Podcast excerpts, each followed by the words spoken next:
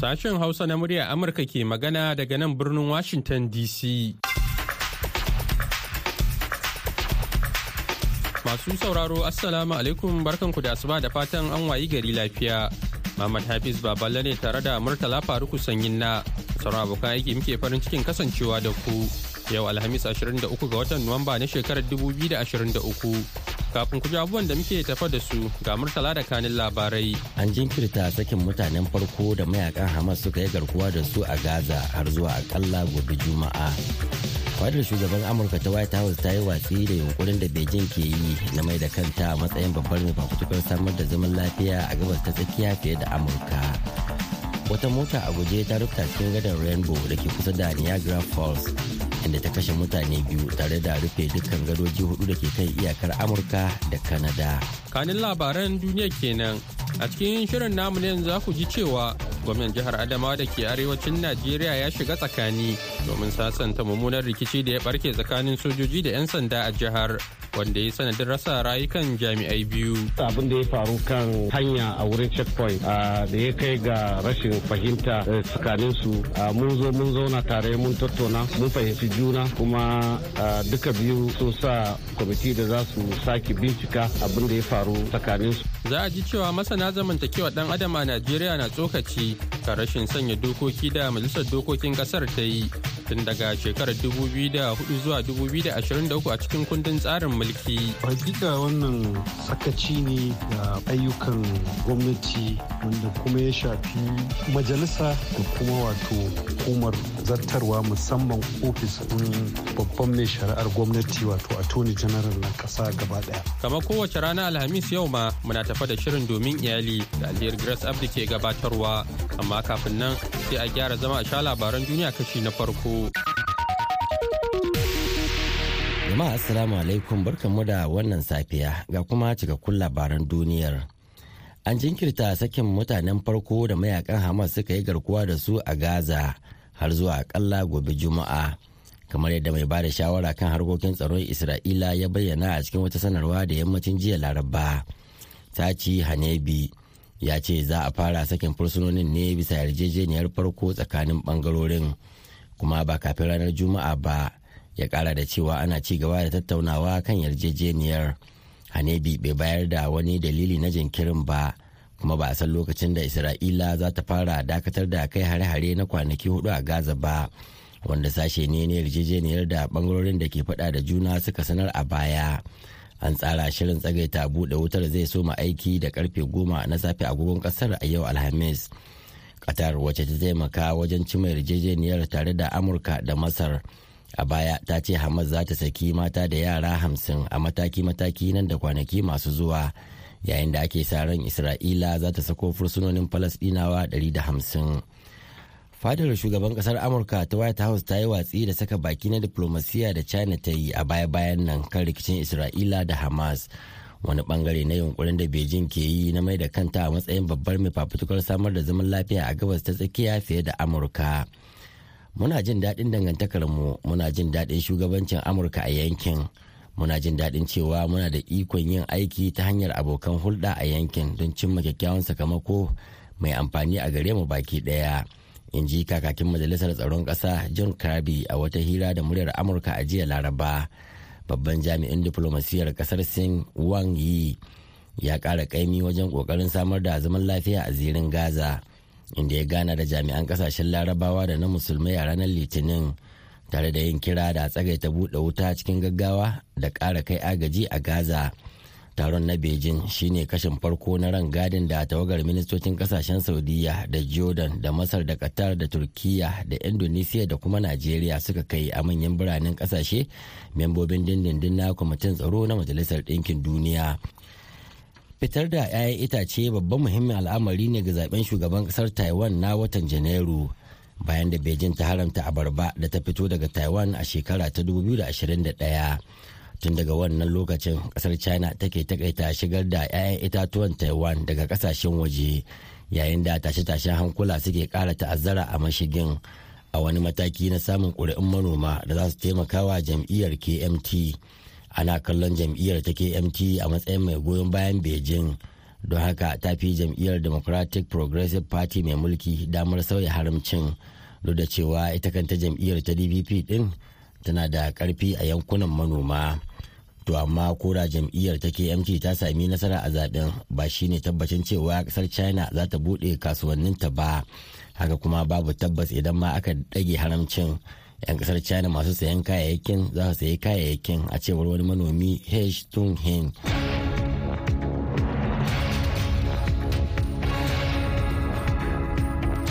to madalla an jima kaɗan murtala zai sake shigowa da ci gaban labaran duniya. Amma kafin nan bari mu buɗe taskar rahotanninmu. Gwamnan jihar adamawa ahmadu fintiri ya ce sun shiga tsakani bayan da wani rikici ya barke tsakanin wasu jami'an soji da 'yan sanda a shatkwatar rundunar 'yan sandan jihar inda har ta kai ga musayar wuta wanda ya sanadin mutuwar jami'i ɗaya na soja da na ɗan sanda ɗaya. Daga adamawa ga rahoton da wakilin Mulado Salisu Garba ya aiko mana. Rikicin dai ya faru ne tsakanin sojoji da 'yan sandan da suka fita aikin haraka inda suke aiki a shingen da suka kafa domin binciken masu laifi wato checkpoint. Daga bisani kuwa rikici ya kaure tsakanin su lamarin da ya kai ga harbe-harbe tsakanin sojoji da 'yan sandan da suke bakin aikin jim kaɗan bayan ga lamarin ya yi tsami sai kuwa aka samu hari mai ƙarfi inda ake zargin cewar rundunar sojojin ne suka kawo wa headquarter 'yan sandan jihar Adamawan hari. Lamarin da ya janyo ba ta kashi tsakanin sojoji da 'yan sandan har aka samu rasa rai biyu. A ɓangaren sojoji aka yi asarar mutum guda a ɓangaren 'yan sandan ma aka yi asarar mutum guda da kuma jikkata wasu da dama. Al'amarin da mazauna anguwar headquarter 'yan sandan jihar Adamawan suka bayyana a matsayin abin da ya firgita su inda suka fara ambatan sunan su kamar haka. Sunana Shamsuddin Bello mun kwana cikin tashin hankali da misalin ƙarfe goma sha ɗaya da mintuna goma sha na kwance a cikin gida na ji harbin bindiga. Kuma irin harbin bindigan da ban taba jin sa ma tana kara sosai. Ni tun da na buɗe ido na misalin ƙarfe goma sha da minti ashirin da ban sace koma bacci ba ban rintsa ba har da asuba. sunana musa ahmad. Jiya daga misalin irin sha ɗaya da rabi zuwa har kusan sha biyu wallahi mun gagara bacci saboda wani karan bindiga da ba mu taba jin irin shi ba. Shine tun zamanin boko haram rabuwan mu da mu ji irin wannan karan bindigan. Saboda mu mazauna gefen mubin nan ne. To dama a baya can mun san irin wannan kararrakin to da muka ji wannan karan mun tashi cikin fargaba kawai. Honorable abbas usman a gaskiya jiya nan mun kwana ɗarɗar saboda irin harbe harben nan da muka yi ta ji abun ya ba mutane tsoro sosai matuka. Don jiya nan misalin sha ɗaya da rabi zuwa sha biyu hakan nan ba wanda ya bacci gaskiya. Bayan faruwar al'amarin ne gwamnar jihar adamawa ahmadu umaru fintiri ya kira taron gaggawa da jami'an tsaron jihar adamawa a ɓangarorin duka biyu suka ko shiga taron. Fitowar su ke da wuya. Gwamnar ya yi taron manema labarai inda na yi masa tambaya kan cewar ko menene ma ya haddasa wannan fitinar da ya janyo asarar rai akalla biyu da kuma jikkata wasu da dama tsakanin rundunar sojojin jihar adamawan da kuma rundunar 'yan sandan jihar? Bisa abin da ya faru kan hanya a wurin checkpoint da ya kai ga rashin fahimta tsakanin su mun zo mun zauna tare mun tattauna mun fahimci juna kuma duka biyu sun sa kwamiti da za su sake bincika abin da ya faru tsakanin su bisa fahimta da yarda tsaro kuma da aiki ma kasa shi muka sa a gaba shi suka sa a gaba kuma za su ci gaba da aiki tare. Gwamnan jihar Adamawa Ahmadu Umar Fintiri na sake masa tambaya ko a wannan tattaunawar tasu da suka yi ko an samu kididdigar waɗanda suka yi asarar rayukansu sakamakon wannan harin.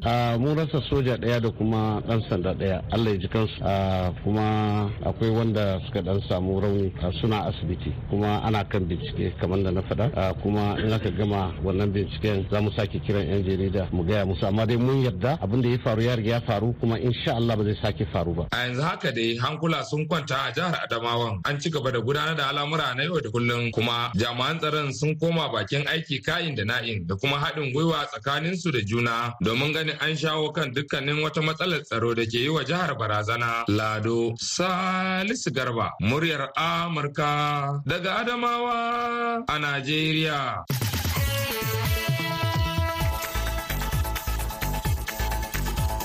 A gaida Lado Salisu Garba da wannan rahoton. Ana tare ne da sashen Hausa na muryar Amurka a birnin Washington DC. Ga Murtala ya da labaran duniya kashi na biyu. Wata mota da ke a guje ta rufta cikin gadar Rainbow da ke kusa da Niagara Falls a jiya Laraba, inda ta kashe mutane biyu tare da rufe dukkan gadoji huɗu da ke kan iyakar Amurka da Canada a yammacin New York.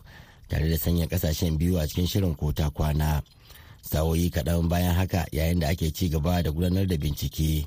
Gwamnan new york kathy huckel ta ce babu wata alamar harin ta'addanci. Fadar white house ta ce an sanar da shugaba joe biden kan lamarin yayin da prime minister canada justin trudeau ya shaidawa majalisar dokoki cewa ba shakka wannan lamari ne mai matuƙar muni a niagara falls. Fashewar ta faru ne a ɓangaren amurka na gadar ta rainbow wadda ta hada ƙasashen biyu a kan kogin niagara. Jami'an tsaro sun ce an sami wasu mutane biyu sun mutu a cikin motar. Kana kuma wani jami'in hukumar hana fasa kwabri da wani na hukumar shige da ficen amurka duk sun sami raunuka. A mafi yawan yankunan ƙasar amurka watannin nuwamba da disamba ne mafifitan lokuta ga masoya naman talo-talo. Kungiyar makiyayan kaji da samar da kwai ta amurka ta ce ana cin talo-talo miliyan 46 a ranar bikin cika ciki na turawa. Yayin da ake yankawa tare da cinye wasu talotalon miliyan 22 a bikin kirsimeti. Amma a kudancin jihar louisiana wadda ta yi suna kan ƙarancin al'adu da gidajen abinci na zamani talotalo na da abokan takara. Ga jama'ar da ke ciki da wajen birane ciki har da new orleans da baton rock da lafayette agwagi ne suka fi jan hankalin jama'a. Baya ga nau'ukan tsuntsaye uku ana ƙara sinadaran ɗanɗano wasu masu sayar da naman suna tambayar masu sayayya da su zaɓi sinadarin haɗi guda daga cikin miya ko kuma kwaguwa da gurasar masara daga cikin waɗanda suka fi shahara. Daga ƙarshe kuma shekaru goma kenan da masu zanga-zangar goyon bayan turai suka taru a dandalin 'yancin kai na kiev al'amuran da suka kai ga hamɓarar da shugaban kremlin victor yanukovych da mamayar ƙarfi da rasha ta yi wa crimea. Yanzu da aka ci gaba da gwabza kazamin fada tsakanin ƙasar da rasha. Ana shirin yanke hukunci akan makomar ukraine a ƙungiyar tarayyar turai a taron kolin da za a yi a brussels a ƙarshen watan nuwamban shekara ta 2013 shugaban ƙasar ukraine na lokacin victor yanukovych ya janye daga rattaba hannu kan wata yarjejeniya da ƙungiyar tarayyar turai sakamakon matsin lamba daga rasha.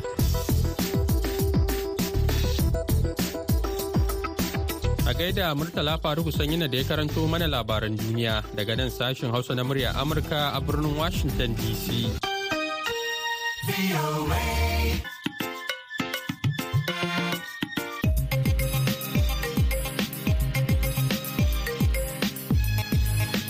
madalla yanzu kuma sai rahotonmu na biyu. Majalisar dattawan najeriya ta umarci kwamitinta da ke kula da harkokin shari'a da 'yancin dan adam da na dokoki. Da yi magana da ofishin ministan shari'a na ƙasar domin gudanar da bitar dokokin ƙasar tun daga shekarar 2004 zuwa 2023 waɗanda aka riga aka rattaba wa hannu domin a sa su a kundi guda. To sai dai wani kwararre a fannin zamantakewar dan adam ya ce majalisar ta yi sakaci wajen dubawa da tattara dokokin tun da farko shi yasa aka shiga wannan hali.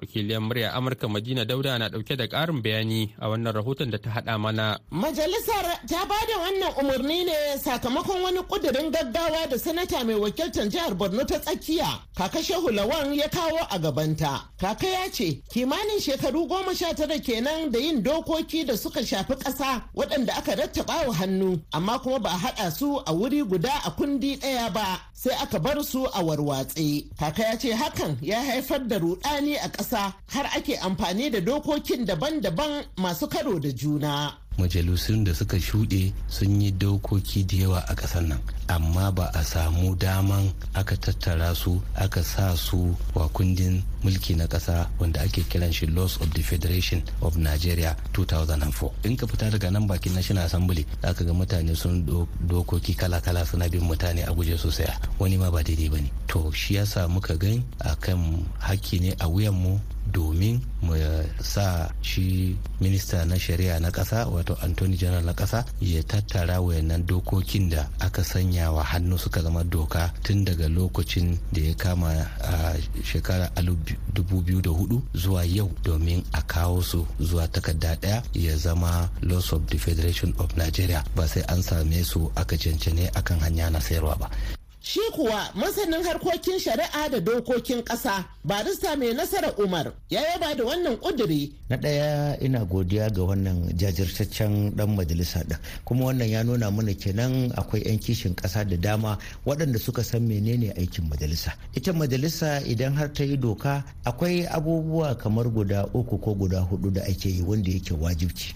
Aikin majalisa bai kare kawai an yi doka ba. Idan aka yi doka to sai a yi abun da ake kira gazet. Gazetin ɗin nan ma'anar gazetin shine an sanya tambarin gwamnati. Shaida cewa shugaban kasa ya sa hannu kowa ya sa hannu. Idan har aka kai ga an yi gazetin ɗin nan to an amince waɗannan takardu din ko kwafin su ko su yanda suke su yatsu ga al'umma. Wato abin da a turanci ake kira da kan go to the public.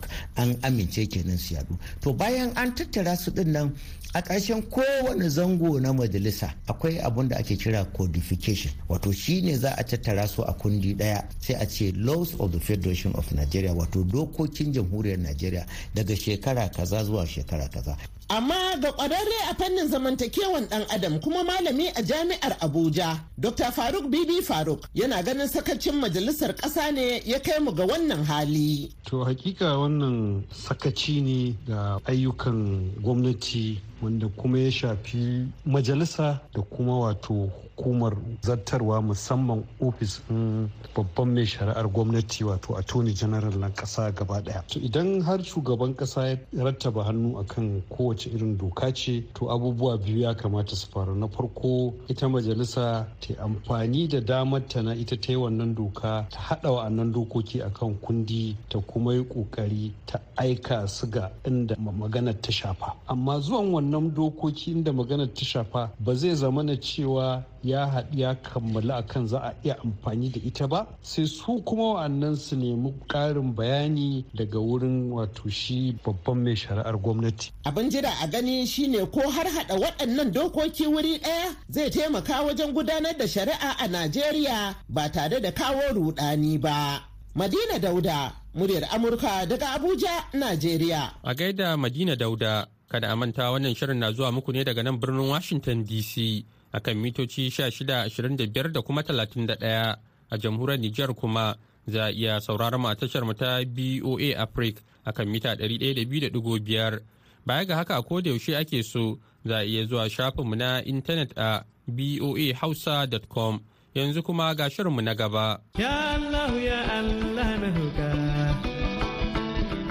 Allah ni kai ne na roƙa baro ki ka don ka ba. Tambaya ni ke da ku jama'a tambaya ni ke da Masu saurari Assalamu alaikum barkamu da asuba barkamu kuma da sake saduwa da ku a wani sabon shirin domin iyali barkamu da ganin wannan rana ta godiya da Amurkawa ke kira Thanksgiving. Ni alheri ina matuƙar godiyar samun wannan dama ta saduwa da ku ta wannan kafa. Ina muku fata alheri da kuma fata iyali na lafiya. A ci gaba da nazarin tasirin auren gata da gwamnatin jihar Kano take yi wa marasa galihu da nufin ganin yadda wannan tsarin zai inganta zamantakewar iyali da kuma ci gaban al'umma. Dr. Khadija Sagir Suleiman na bayani kenan kan inda ake samun rauni a tushen auren lokaci ya ƙwace mana inda kuma za mu tashi kenan yau. Yau ma muna tare da ango Mika Mu'azu Umar. Da ɗaya daga cikin amaren hawa'u sha'aibu abdulmumini sai kuma lauya amina aliyu umar da dr khadija sage suleiman ɗin mataimakiyar kwamandan hizba. A wannan tattaunawa da wakilinmu baraka bashir ta jagoranta. Daga macen har namijin in za ka yi aure ka duba ma abocin addini. Lokacin da take burge ka da ƙuruciyarta da jajayen sawunta za ka riƙe ta yadda allah ta baraka wa ta'ala ya ce mawaddatan. Sai kuma ya ce wa rahama. To rahamar a nan za ki ga cewa duk na abubuwan na jin daɗi sun gushe. To in mutum mai tsoron Allah ne sai ki ga cewa ya ji tsoron Allah bai kalli cewa ba ta da kaza ba ta da kaza ba. Ko abu take masa na rashin kyautatawa ai ci da sha yana ɗaya daga cikin wajibai a aure. Ci da sha da mahalli da wajen zama da sutura duk suna wajibai.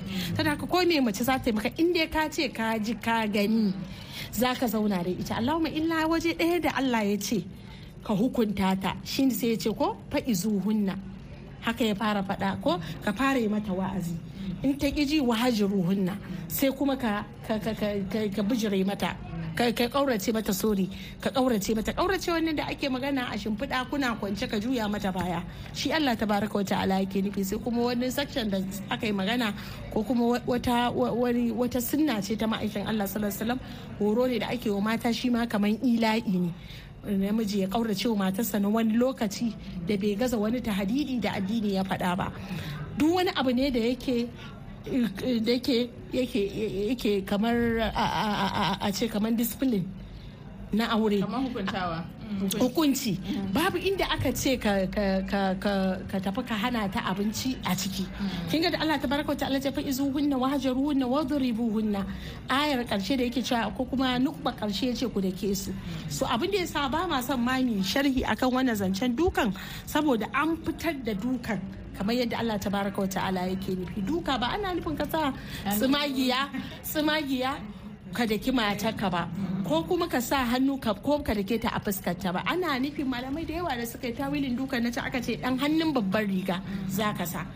An samu hadisi na sayyidina rasulullah sallallahu alaihi wa alihi wasallam wata rana sai da mai muna ɗaya daga cikin matansa. ne ummahatul mu'minina ce ita ma tana ɗaya daga cikin ummul mu'minina ce. Ta yi wa annabi sallallahu alaihi wa alihi wasallam wani dan shizuz irin namu na mata. Ta ya ce ba dan tsoron Allah na ba da na kwakwala miki wannan asuwakin. Ki kalli dai asuwaki kin ga dai wani ƙaramin abu ne. To amma ta ya ce tsoron Allahnsa ya hana shi ya da keta da tsoron da bai yana nuna cewa tsoron Allahnsa ya hana shi da da sai ya kwada mata aswakin nan. Ashe kenan dukan ma in zaka tun da mun san ai fassara aya sai an samu a tafsirul qur'an bil qur'an tafsirul hadis bil qur'an. So in haka ne kinga annabi sallallahu ya fassara mana shi kansa duka. Kenan sai an samu rashin tsoron Allah za a yi shi. Ga kissar annabi ayubu ko Allah tabaraka wa ta'ala ya ce ya ɗauki wannan diksan ya ce ciyawa ce da ya rantse sai ya daki mata bulala ɗari akan ta fita ta samo mai abinci. Ya yi kishin wane ce wallahi sai na da keke so ɗari. Allah ta baraka ta'ala shi ya ce fakus biya dika ya ce ya ciri ciyawa lokaci guda. Kin fadarin biha ya da keta da ita. Kin ga yayi kafarar bulala ɗari. Kuma ki kalli ciya dan haka za a yi a kwada kin ga kenan Allah ya siffanta mana yadda za a shi sa bana son ma ɗauko kadiya duka ba. saboda mutanen mu yanzu naushin mata suke. Su naushe su su mare su su kumbura musu ido su kumbura musu baki inda ma Allah tabaraka wa ta'ala ya hana duka. Na ji lauya tana ta gaskiya ne gaskiya ne. Me zaki ce akan wannan bayani da da malama ta yi da shi kuma ango duk da dai angon namu kamar ba shi da baki ko farin ciki ne yasa baya iya magana. To sai mu ce sai mu ce farin ciki ne hana shi magana. Amma abin da malama ta yi bayani a nan a haka yake idan kika tunda in kika jiyo ta wannan ɓangaren akwai magana ta islamic law. Wayannan kuma duk da dai mun san procedure din sun dan bambanta. Abinda yake procedural law din da take applicable a shari'a court mu ya dan bambanta da karatunmu misali na uh, majalisi ko wani abin nan amma haka al'amarin yake. Tunda dole dai qur'ani ne da hadisi ake amfani da shi a yi a yi a bi a kan dokar. To wannan shine dan sharhin da zan ce. To a gari mutane suna ta wasu suna da mixed reaction wasu suna cewa wannan abu da aka yi yayi wasu suna cewa kamata ya yi a waiwayi wata matsalar maimakon wannan. Shin ne zaki ce? To akan wannan ba zan yi saurin cewa wani abu ba domin ba mu san hanzarin gwamnatin ba. Duk da dai abin da muke kallo shine dama kafin gwamnatin ta shigo ta riga ta yi wannan alkawarin. Yana ɗaya daga cikin alkawarin da ta yi. To amma kuma an riga an yi. Da haka da abin da za mu zo mu faɗa ba zai warware shi ba. Duba ga me?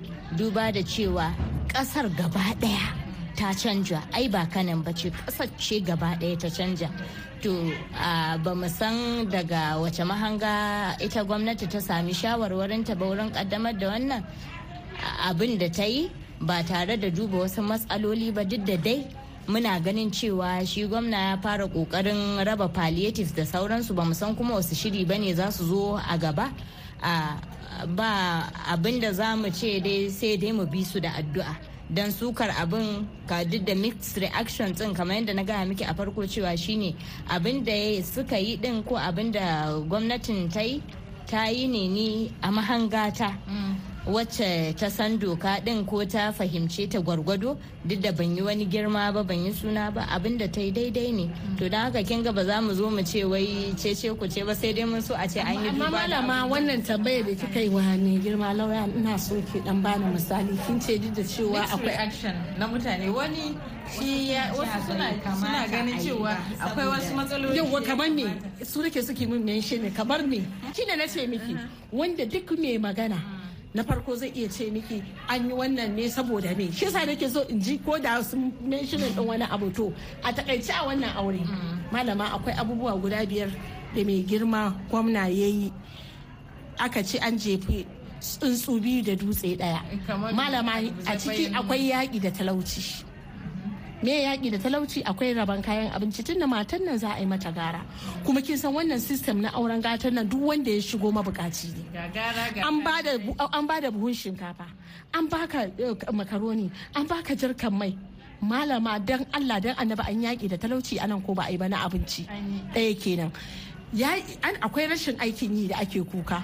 Gwamnati ta yi empowerment domin za ta ba wa amaryar nan jari na kuɗi har wajen dubu ashirin. Ta hada da sadakin ta dubu hamsin. Kinga an samu dubu saba'in. bai ishe ta jari ba?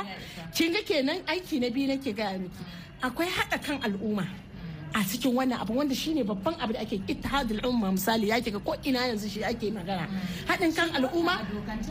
Yes. Za ki ga cewa kamar yanzu duk local government mun yi kwamiti na mutum goma sha biyar da suka hada ne unguwa za ki ga mun hada da dagaci an hada da civil defense immigration ma'aikatan lafiya. Duk an zo an ce ku zo ku yi aiki ɗaya ku je ku yi mana investigation akan gidan wannan mutumi. An san asalinsa an san sana'arsa. Yanzu wannan hada kan da aka yi na al'ummar local government wanda bai taba ganin wani ba sai a dalilin wannan aure kin ga wani abu ne da aka hada sanayya. Sannan a cikin wannan aiki akwai abin da ake kira yada ilimi. To kafin mu dasa aya a kan wannan mukala za mu so ku fahimci yadda ake yada ilimi a wannan gaba inda kuma za mu tashi kenan mako mai zuwa. Yanzu dai a madadin bakin namu Miko Mu'azu Umar da Hawwa'u Shu'aibu Abdulmumin da lauya Amina Aliyu Sagir da kuma Dr. Khadija Sagir Suleiman. Sai kuma wakilin mu baraka bashir da ta jagoranci tattaunawar da daɗi balewa da daidaita sautin shirin madadin su duka ni alheri ke cewa ala tabbatar mana da alherinsa. Kai mata su ne duniya su ne dadihin duniya. Mata su ne duniya su ne sarakan duniya. Komi don su muke ashe mu maza bayin muke. Yanzu kuma sai labarai amma a taƙaice.